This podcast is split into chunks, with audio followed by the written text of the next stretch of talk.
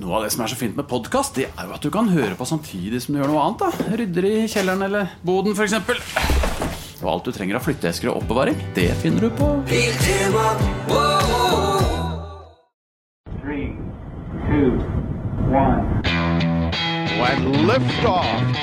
One, two, three, four, five, five, four, three, two, one. Enter bed. Okay, we checked all four systems, and there you go on modulation, all four, and keying with a go. Quality base here. The Eagle has landed.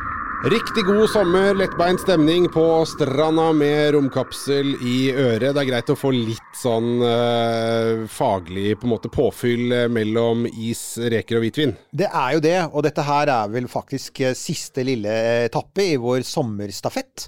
Eh, Og fra neste uke så vil det da faktisk være mer normale sendinger igjen. Så det satser vi på. Ja, det, hvis alt går riktig og ingen har blitt for solbrente eller eh, gått helt av sted med sommerkroppen 2021, så, så er vi i neste episode tilbake i på en måte normal drift, eh, la oss kalle det det. Men for guds skyld, er, vi har jo eh, vært innom ganske mye Og vi har kost oss. spennende. Og ja, vi har, altså, det er veldig hyggelig. Jeg må si det. Tusen takk for at du hører på. Tusen takk for at uh, du er vår podkastvenn. Uh, og også takk til alle som har uh, tidligere i sommer, før vi tok opp disse sommersendingene, sendte inn spørsmål. Veldig masse spørsmål. eh, som er eh, god mat for oss videre også utover i, ah, ja, ja, i høstsesongen. Vi har en haug lang liste med ting som vi nå bare temaer vi kan plukke opp. Så det er, her er det eh, Altså det er jo ikke det ingen nevnt, for at det er noen som er nevnt her. Vi kommer straks til å nevne noen, men det dere som ikke er nevnt, er definitivt ikke glemt, Nei. for å si det sånn. Og eh, skal vi også, før vi da starter, si tusen hjertelig takk til alle som eh, har uh, vipset oss frivillig Ja. lytterlisens, la oss kalle det det, på et helt valgfritt beløp. Romkapsel, Newt og Halvorsen heter vi på Vips, sånn at det er, er sagt. Ikke sant? Uh, nå, uh, len deg tilbake. Finn, deg, finn fram et eller annet duggfriskt du kan leske deg med hvis du har ferie. Hvis ikke du er, hvis du er tilbake på jobb, så eh, får du bare være det. Eh, så kan, eh, kan vi gjøre arbeidsdagen din litt Og enklere. denne gangen så blir det jo faktisk ikke skummel, kald krig. Denne gangen så er det faktisk liksom til og med litt koselige studieminner fra Norge på 1950-tallet. Kjør i vei, sånn Nils er Johan. Da skal vi altså til, eh, til Ole Gunnar Sol... Nei, eh, det skal vi ikke. Vi skal til Dag Det er ikke så ofte det er fotballreferanser i denne podkasten. Eh, lurer på hvorfor det. Nevn tre fotballspillere helt fort. ja, nemlig. Pogba, er det ikke det han heter? Det er en som heter det, tror jeg. Ja, ja. Kevin Keegan og selvfølgelig Ja, eh, Johan Cruyff og selvfølgelig ja, og Beckenbauer og sånn. Nei, men det, det sier seg selv. Det var fotballspillere. Det vi har i dag, er bare ja. Uansett. Ok. Eh, Dag Solskjær eh, Dag Solstad Nei, Dag Solskjær har sendt følgende. Apollo-programmet! Utropstegn. Utropstegn. Bemannede romferder er det tøffeste! Utropstegn. Apollo 11 og 13 har fått mye oppmerksomhet, men det har vært til sammen seks månelandinger der de fem siste har fått ufortjent lite oppmerksomhet. Schmidt var litt norsk, eh, i gjennom studier i Oslo! Utropstegn. Ja, det, Mer enn påstand enn spørsmål. Ja, men er altså, og med så mye utropstegn så kunne vi ikke bare si Vi kunne ikke si nei. Altså, Nei, vi er søkker jo- for utropstegn, er vi det? Ja, ja, det er, det, her er det, er her er det entusiasme i bånn gass. Jeg er helt enig. Jeg, er altså, det, å, igjen, en av grunnene til at vi valgte akkurat dette, er fordi at det kommer fremdeles mange spørsmål om Apollo. Det er ikke så rart, for det, det var et gyllent øyeblikk i romfartshistorien. Og hver eneste ferd er jo i, i, vår, altså i moderne målestokk et rent mirakel. Igjen, det er helt utrolig hva de fikk til, altså. Um, så, så ja, la oss, la oss ta den, da. La oss ta Apollo 17, den aller siste. Siden uh, vår venn Dag han nevner Harrison Schmidt, som han da heter, og som var en av astronautene. Eugene Cernan var den andre som gikk på månen sammen med Harrison Schmidt. Og da liksom litt noen trivia her. Det, for det første, altså det var den aller siste. og det vil si at den, den kom helt på tampen av året 1972. Du, var, var, når var det du er født igjen? Jeg er 78, jeg vet du. Så. 78, du. Ja. Ja. Men altså, faktisk, dette er en av de som jeg har et vagt minne av faktisk å ha sett på TV. Fordi okay. at, ikke sant, Jeg fikk jo aldri sett nummer 11, men, men eh, flere av de som kom etterpå, de så jeg jo. Men igjen, det var jo ikke sånn, det var jo ikke sånn døgnkontinuerlig dekning. eh, Og, og det, på det tidspunktet så var jo medieinteressen gått kraftig ned. Og Ikke ikke, ikke, ikke minst utenfor USA, så var den jo det. Men jeg kan huske ha sett klipp av det. Uh, og det var jo det var altså den siste måneferden med Apollo, for Apollo hadde enda noen ferder igjen opp med Skylab, og så hadde du Apollo Soyuz testprosjekt, som var i 1975, som var den aller siste Apollo-ferden. Det er altså den lengste ferden, eh, måneferden. Og det var den som hadde flest sånne timer med EVA, extra Extravehicular Activity, altså ut, utenfor, utenfor Kapselen. eh, kapselen. 22 timer. Og den som tok med mest stein, de tok med 110 kilo tilbake. Det var første gang at eh, NASA skjøt opp et bemannet romskip om natta. Og det var siste gang at Saturn 5 hadde astronauter på toppen, for den neste Saturn 5 som ble skutt opp, den hadde Skylab på toppen. Ja. Så det var altså Og så var det den første ferden uh, til, til månen som ikke hadde en testpil... Altså en, ikke hadde noen om bord som hadde vært testpilot tidligere. Ikke en våghals bak rattet. Eh, ikke sant? Det var, han var jo, Harrison Smith var den første forskeren på månen, og han Ja. var ikke testpilot. Og her er jo saken. Harrison Smith han var ment å være pilot på Apollo 18. Men den var jo en av de tre som Apollo 18, 19 og 20 ble jo kansellert. Og så var det et svært press fra forskere på NASA for å få byttet ut den opprinnelige eh, altså piloten, eller opprinnelige astronauten. Joe Engel, han var testpilot.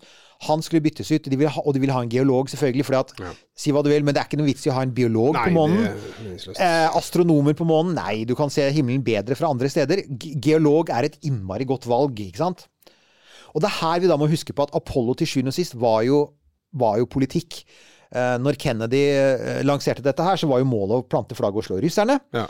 Det var ikke egentlig å kolonisere solsystemet, det var det i hvert fall ikke. Og dette med vitenskap var litt sånn i andre rekke, og der utover på 60-tallet så blir vitenskapen viktigere og viktigere.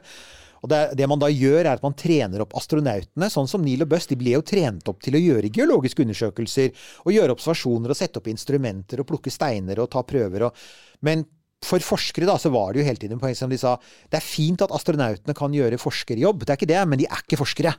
Og ikke minst å få en geolog på månen, og få geologblikket. For geologer er vant til å gå rundt. Jeg kjenner jo geologer, og det de liker best, er å gå rundt i naturen og se på steiner, og de oppdager ting hele tiden. Det var jo det de ville ha, da. Ja. Oppdager ting som en uh, middels uh, brevkursastronaut aldri ville kunne se, fordi han vet ikke helt hva han skal se etter.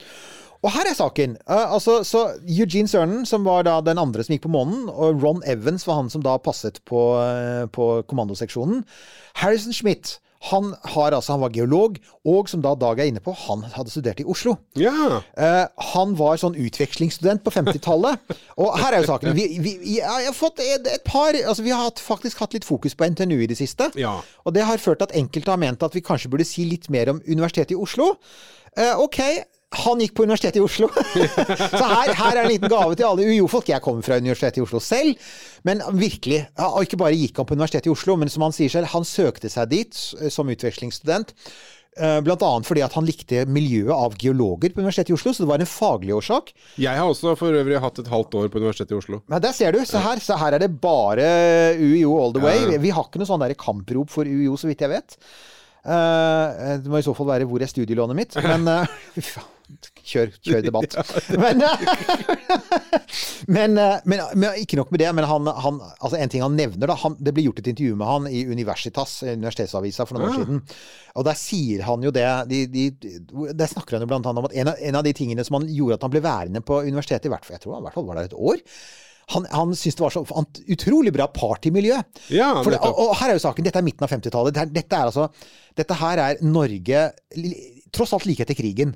Og han opplevde Oslo som en ganske løssluppen by. Altså Folk hadde liksom sluppet opp snippen fordi krigen var over. Og det var fred, og det var 50-tallet, og det var litt velstand. Så, så han opplevde norske studenter som eh, veldig frilynte og glade i å feste. Ja. Og så kommer da Klinsjern her, og som gjør, burde glede alle norske universitetsfolk, uansett hvor de er. Han sier, han sier altså i intervjuet I developed an interest in the moon and space while I was in Norway. Han sier altså at hans interesse starter der. Eh, Han var, der, han var her nemlig i 1957, mens Sputnik ble skutt opp. Og han lærte seg å gå på ski i det han kaller for The Nordmarka Forest. Det er riktig, det er marka. Ja. Dette var nyttig mens han gikk på månen, sier han, fordi at du trenger å ta lange steg for å komme deg noe sted. Det han egentlig sier, er at han lærte seg den ekte moonwalken ved å gå på ski i Nordmarka, fordi det å gli over Gli gjennom skisporet kan på sett og vis sammenlignes med å gli gjennom månestøvet i, ja, i den lave vekten du har på månen, da. Så han sier You could kind of say that I learned how to walk on the moon in Oslo. Hallo! Nå må vi bare få døtta Bjørn Dæhlie og Marit Bjørgen opp i en rakett umiddelbart, og få se hva de får til der oppe. De har jo naturtalenter. De har jo alt. Men, men ikke bare det. Kan vi nå være enige om at vi trenger en, en, en norsk person i rommet? eller? Are you as high as Northug? Go to space. Artemis, altså Artemis på månen, og det er jo apropos astronautsøknaden, som vi kanskje nevner for aller siste gang her nå. Neste gang vi nevner det, så har vi valgt ut noen, tenker jeg. Ja, Men la oss si det en aller siste gang. Jeg håper at uh, mange av dere søkte. Men altså, Artemis er faktisk et av de uh, konkrete prosjektene som nordmenn kan havne i.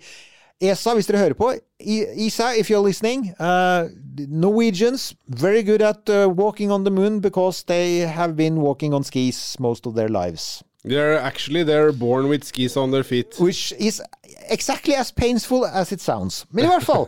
så, så det er Ja, dette er jo kult. Fordi- Harrison Schmidt er altså tilbake. Harrison Schmidt. Ja. Uh, Harrison Schmidt. Så, så igjen, eh, takk til um, Takk til eh, Dag for at han tipset om det. For dette er jo altså dette er sånn, Når man gjør research, da, så hender det det dukker opp sånne godbiter. Jeg var ikke klar over Jeg, visste, jeg hadde hørt om at han hadde vært i Oslo, men jeg var jo ikke klar over dette. Så det er en skikkelig godbit. Altså, det altså Oslo er altså sånn, herre- sånn uh, gryte for alt som handler om verdensrom. Altså jøye meg. Nei, nå må NTNU bare gå hjem. For at uh, til og med Juri Gagarin har vært på besøk i Oslo, så nå er det jomme meg og til Og så har jo uh, det, eh, Buzz Aldrin drakk seg jo drita i Oslo. Så det her fest og romfart det går og, hånd i eh, hånd. og vi skal Som ikke glemme at isbit i glass inne i Oslo. Og eh, Erik Tandberg var ingeniør i Oslo kommune gjennom mange år, Ja. og satt i Oslo bystyre. Ja. Så, så i det hele tatt eh, Romfartsbyen Oslo, det er det nye slagordet. Ja, og vi, vi, vi må bare minne om Vipps-kontoen vår. 1202. Eh, Poenget var at altså, NASA visste at dette var siste sjanse. Ja. Og, og de var veldig klar over, også astronautene som dro, var veldig klar over at de ville være de siste på veldig lenge. For Mm. altså, NASA får jo budsjetter over lang tid. På dette tidspunktet var romferja på full fart inn. Så de visste at Apollo var på vei ut, romferja var på vei inn, og alle som kunne litt om rommet, visste at romferja kom aldri til å fly til månen pga. de svære vingene. Så det var denne ene sånn last shot. Så det man måtte gjøre, var å si hvordan får du mest mulig forskning igjen for penga? Nummer én, du sender en geolog. Nummer to, selvfølgelig, du sender jo med månebilen, for det gir deg stor aksjonsradius. Og nummer tre, du lander et sted som liksom er sånn mest mulig bang for the buck. Altså mest mulig spennende geologi. Og da valgte de en dal som heter Taurus Litrov, både fordi den da inneholdt gammelt materiale fra, fra månens eldste periode, og dessuten ung månestein, og den er da som kjent bare tre milliarder år gammel. Ja, ja. Så det de gjorde var, så, så dette var jo på en perfekt gjennomført ferd. Det var ikke noe sånn spennende sånn begivenhetsmessig, for alt gikk på skinner. Ja. Uh, de kjørte rundt i månebilen, de hentet prøver fra ulike mål. Uh, de, det, det mest spennende som skjedde, var vel at uh, det var vel Harrison Schmidt som oppdaget eh, oransje jord. Uh, og det var veldig oppsiktsvekkende, for månen er som kjent grå. Den er så utrolig grå at det ser ut som det er svart-hvitt-bilder, og så finner du plutselig oransje jord. Det var små perler av vulkanglass. Det var dessverre ikke noe mer spennende enn det. Nå er det sikkert noen geologer som blir sinte og som vil si det er kjempespennende med vulkanglass. Men Ja. for mange av oss er det dessverre ikke helt det. Og så, var de, så satte de rekord i hvor langt de kjørte unna månelandingsfartøy. Det er jo lett å glemme, men de hadde denne, denne elektriske firehjulsdrevne bilen som var et lite mirakel, egentlig. Det var, det var jo en dyr bil, da. Den kostet jo noen hundre Jo, millioner dollar, men det var vel Boeing som bygde den. Men ja, det var en uh, fantastisk liten Tesla lenge, lenge, lenge før Tesla var et glimt i sin skapers øyne. Du vet det, Eirik, at det er andre produsenter som også lager elbiler? Jeg vet det. Jeg liker Ja. bare å provosere folk. Ja, ja. Jeg vet at nå mister vi ca. 1000 dieselfantaster. Så, så, så. Men, men saken var at 7,6 km var det lengste de turte å kjøre. fordi at hvis den brøt sammen, da, så, måtte vi de kunne gå gå tilbake. Ja. Uh, her er saken. Ingen av disse elbilene gjorde noensinne det, så, så alt fungerte jo utmerket. Og så er jo da Eugene Cernan Han, da, han var sistemann på månen. Last man on the moon. Uh, han ytret da de siste ordene på månen, for vi har jo da hørt It's a one small step for, a, for, for, For for man, man, ikke sant? uh, giant leap for mankind, ja. Så nå skal vi da faktisk ta oss tid til Uh, og, og, og sannelig om ikke vi skal prøve å rett og slett få med oss dette klippet ordentlig her. Det var da altså det siste som ble sagt. Ja, og da, så jeg kan bare lese det også sånn i tilfelle. As we leave the moon at Taurus Litro, we leave as we came, and God willing, as we shall return, with peace and hope for all mankind, Godspeed the crew of Apollo 17. Det er jo fine ord. Det er fine ord, og så er de litt vemodige, da. Ja, ganske. Og, og, og jeg har jo lest han, han har Og dette var la, la oss bare minne på det. 1972. Det er 1972, så det begynner å bli fryktelig lenge siden. Det er jo snart Det er 40 eh, år siden, det. Det, det, er jo snart 50 år siden. Det er jo Ja, 50, mer enn lenge siden. ja. Og, og Søren har faktisk han har skrevet en, en, en, virkelig bra bok som heter 'Last Man on the Moon', hvor han snakker om akkurat det. Om den ganske spesielle følelsen av å være sammen med Harrison Schmidt, en av de aller siste som eh, eh, var, som, som, altså den, det var den siste på månen. Og så har han vært med i en veldig god dokumentar som heter 'In the Shadow of the Moon'. Eh, Og det høres ut som en sånn konspiranoia-sak, men det er det ikke. Det er en dokumentar som rett og slett handler om de livene som Apollo-astronautene fikk etterpå. Ja. Eh, og da er det ikke Jeg mener å huske at det er litt, de prater, litt med Neil og Buss, men det er mye samtale med de andre. Ja. Og det syns jeg er egentlig er ganske spennende, fordi at alle veit at Neil og Buss fikk veldig spesielle liv. Og, og til og med Michael Collins, selv om ikke så mange har hørt om han, Michael Collins ble faktisk mer og mer og mer kjent mot slutten av livet sitt. eh, og var megakjendis, han òg. Men det var jo tross alt eh, en hel haug med andre som var der, og som hadde mye Fikk veldig annerledes liv, men ikke ble sånn superkjendis. Så veldig bra. Eh, bok og film. Og så har du selvfølgelig Harrison Smith. Han Ja. er en av de som fremdeles er i live. Ja, holdt på å si dessverre. Ja, altså ikke dessverre. Det er jo helt fint at han er Han er jo en, han er jo en levende legende fordi han er, fremdeles er den eneste forskeren som har vært på månen. Ja. Men saken er at han eh, er jo endt opp litt i litt dårlig selskap. Han har jo Han er blitt litt sånn konspir konspiranoia-tilhenger. Er, det er det en fyr som heter Alex Jones eller sånt, som driver en sånn notorisk Å oh, gud a meg, herregud, ja, Infowars ja, ja, nemlig. Jeg tror han, har- han har vært hos han, han, og så er han fitter, finnes det, Ja. det finnes et par klipp av han hvor han er eh, har, har deltatt på sånne konferanser, så fremstått som eh, klimafornekter, og eh, det er ikke helt heldig. Og det er litt synd. Men på den Ja. annen side, du kan ikke Altså, ingen helter er perfekte, og helter er de jo uansett, for det er altså Bare for å si det. Apollo 17 var fremdeles et eksperimentprosjekt. Det er viktig å huske på at liksom alt de gjorde under hele Apollo-programmet til månen, alt var eksperimentelt. Alt var gjort med ting som var sånn oppgradert, justert, mekka underveis. Eh, Så gikk det nesten galt, men man klarte seg likevel. Eh, Og, og, og som en sånn liten påminnelse, hvorfor stoppet man med Apollo 17? Hvorfor kjørte man ikke til Apollo 20? Vel, det er litt som hvorfor man stoppet med romferja i 2011. Hvorfor kjørte man ikke fram til nå? NASA hadde en veldig uggen følelse av at på et eller annet tidspunkt ville det smelle igjen, Ja, som det ok. hadde gjort på Apollo 13. og Man ga da- seg mens leken var god her. de ga seg leken, mens leken var god, så det har jo vært eh, sindige folk i NASA-systemet som sier at det, det var en helt grei beslutning å ta, og si at vi stopper ved nummer 17. Vi, vi hadde fått all informasjonen vi trengte, vi hadde definitivt bevist at vi var best i rommet. Og forskerne hadde fått masse, masse stein å jobbe med. Og Ja, for det var det spørsmålet jeg tenkte. Var det Altså, hadde det hatt noe altså Selvfølgelig så vil jo svaret være ja, men la oss bare nyansere det litt. Hadde det hatt noe vitenskapelig for seg å fortsette å reise til månen? Så du kunne jo alltid, du kunne jo alltid selvfølgelig ha, ha fortsatt å hente nye steinprøver fra mer spennende steder tilbake. Det kunne du jo. Det var jo f.eks. snakk om at en av de gjenværende Apollo-ferdene, altså 18, 19 eller 20, jeg husker ikke hvilken, skulle ha prøvd seg på baksiden av månen. Ja. Og baksiden av månen ser veldig annerledes ut. Den har en veldig annen geologisk historie. Når det er sagt, da. Hvis USA virkelig hadde ment at månens geologi var så viktig, så hadde det jo ikke vært veldig vanskelig for dem å gjøre som sovjeterne gjorde, og bygge ubemannede sonder som hentet prøver tilbake. for det gjorde jo sovjeterne. For en brøkdel av kostnaden. Det hadde vært veldig, altså Amerikanerne kunne lande på månen. Det hadde ikke vært problematisk for dem på en flekk.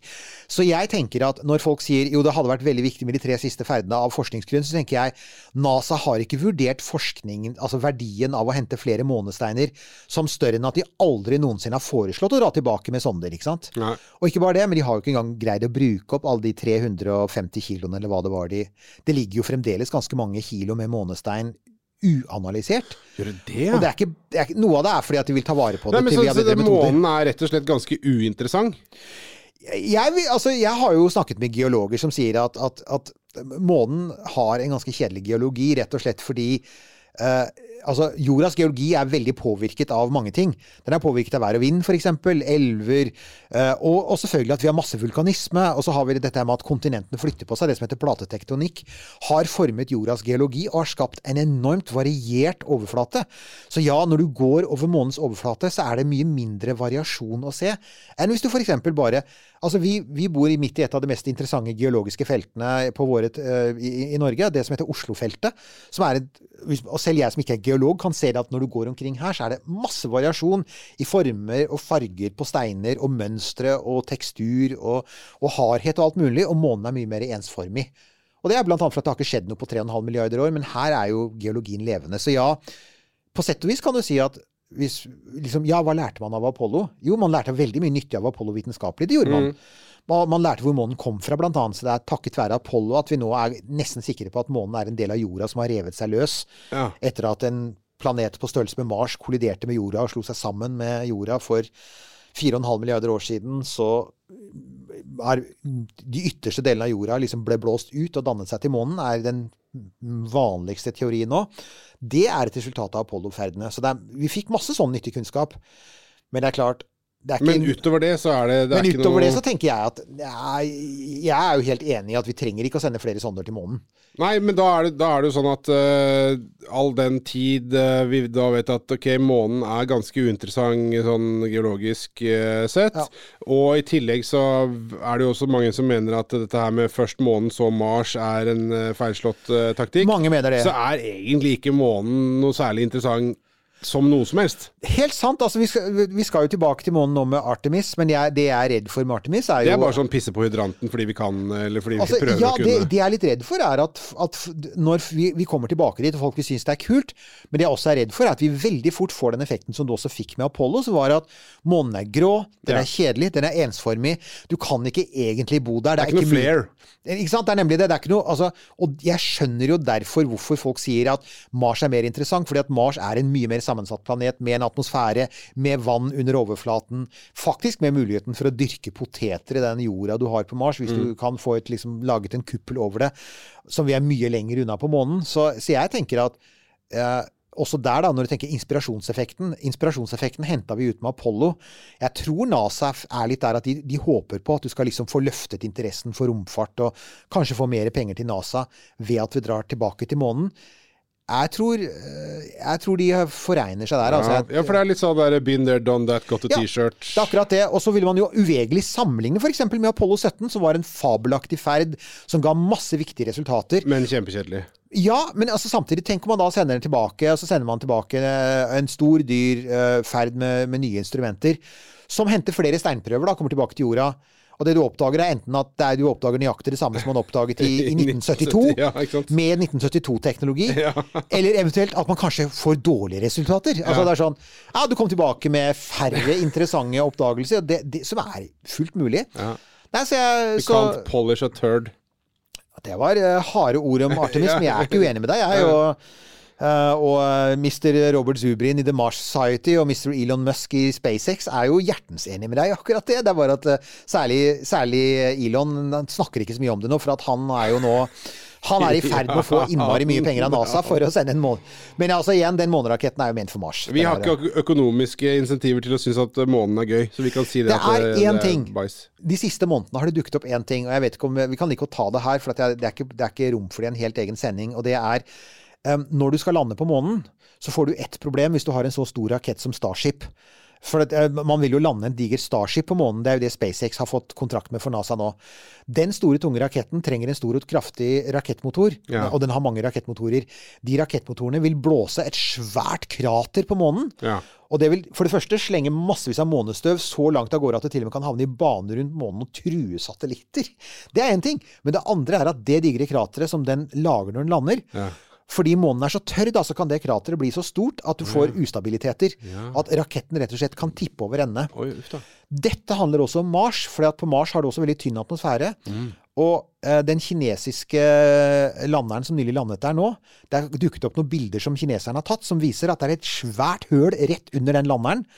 Som er en påminnelse om at vi må forske mer på hva som skjer med rakettflammer når de treffer overflater som ikke er jorda. På jorda er ikke dette et problem, fordi at jordjord er kompakt og den er fuktig og holder seg sammen. På månen og på Mars, der er det en helt annen sammensetning. Og det vi risikerer, er f.eks. at det lander et Starship på Mars som står trygt de første fem minuttene, og så begynner å tippe over ende fordi at den har gravd ut et Ja. digert høl. ikke Ja, sant? ja. Dette må man løse, rett og slett. Så man har allerede begynt å forske på at man kanskje må ha Space is so hard. Ja, Altså, himmel og hav, altså. Er det ikke det eneste? er det det. er liksom sånn Hver eneste lille ting jeg, jeg så det, så tenkte jeg Men vær så snill, give me a break. Ja, kan du, er det ikke noe som bare Jøss, det visste var enklere enn vi trodde. Ja, nemlig. Det er sånn, alt er mye no vanskeligere. Ja, så er sånn, ja, nemlig. Nei da. Det, det, det er helt så Men uansett, ja. Det er kanskje et argument for å dra tilbake til månen, men ellers er det få.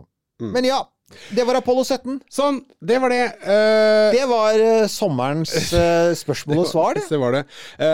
Det, kjære lytter, betyr at dessverre så er sommeren på hell. Vi håper at det er noen fine dager som man kan gå ute og kose seg, kanskje Absolutt. høre på podkast. Eventuelt ikke gjøre det i det hele tatt, bare gjøre noe helt annet. Tenke på noe annet, tenke noen glade, lette, enkle tanker. Ikke sant?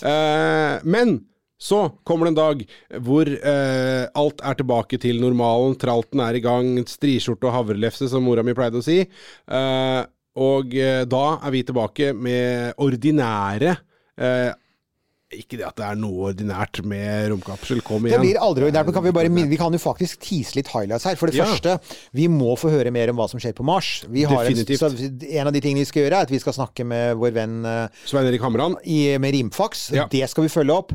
Nummer to, eh, det kommer antagelig til å skje noe veldig stort i Boca Chica. Det skal skytes opp et kjemperomskip, enten det eksploderer eller ikke. Nummer tre, eh, James Webb Space Telescope skal opp denne høsten. Nummer fire, russerne skal sende opp en skuespiller, kanskje amerikanerne, til den internasjonale romstasjonen. God knows hva som skjer, ikke sant? Shit's going down. Sh- The shit's Go going, up. going up. Ja, ikke sant? Så det er, sånn, det er bare for å nevne noe. Det blir en begivenhetsrik høst, folkens. Så det er bare å henge med. Velkommen til Kjemperådet! Denne gangen har vi fått inn et kjempedilemma fra en familie. Jeg leser Hei, vi er litt uenige i familien her. Hvis du skulle vært et dyr, ville du hatt gjeller eller vinger? Oi, den er tricky. Ja, hva ville dere hatt da? Altså, jeg vet ikke, men Med familierabatt får de ubegrenset data fra Telenor fra 399 kroner. Da kan de jo scrolle seg til svaret, rett og slett. Ja, ok, Men for min del Ja. gjelder. Nei, nei. Nei. nei, vinger. Nei, nei, Ja, gjelder. ja, kjempebra. Men eh, se nye mobilabonnement på telenor.no, da.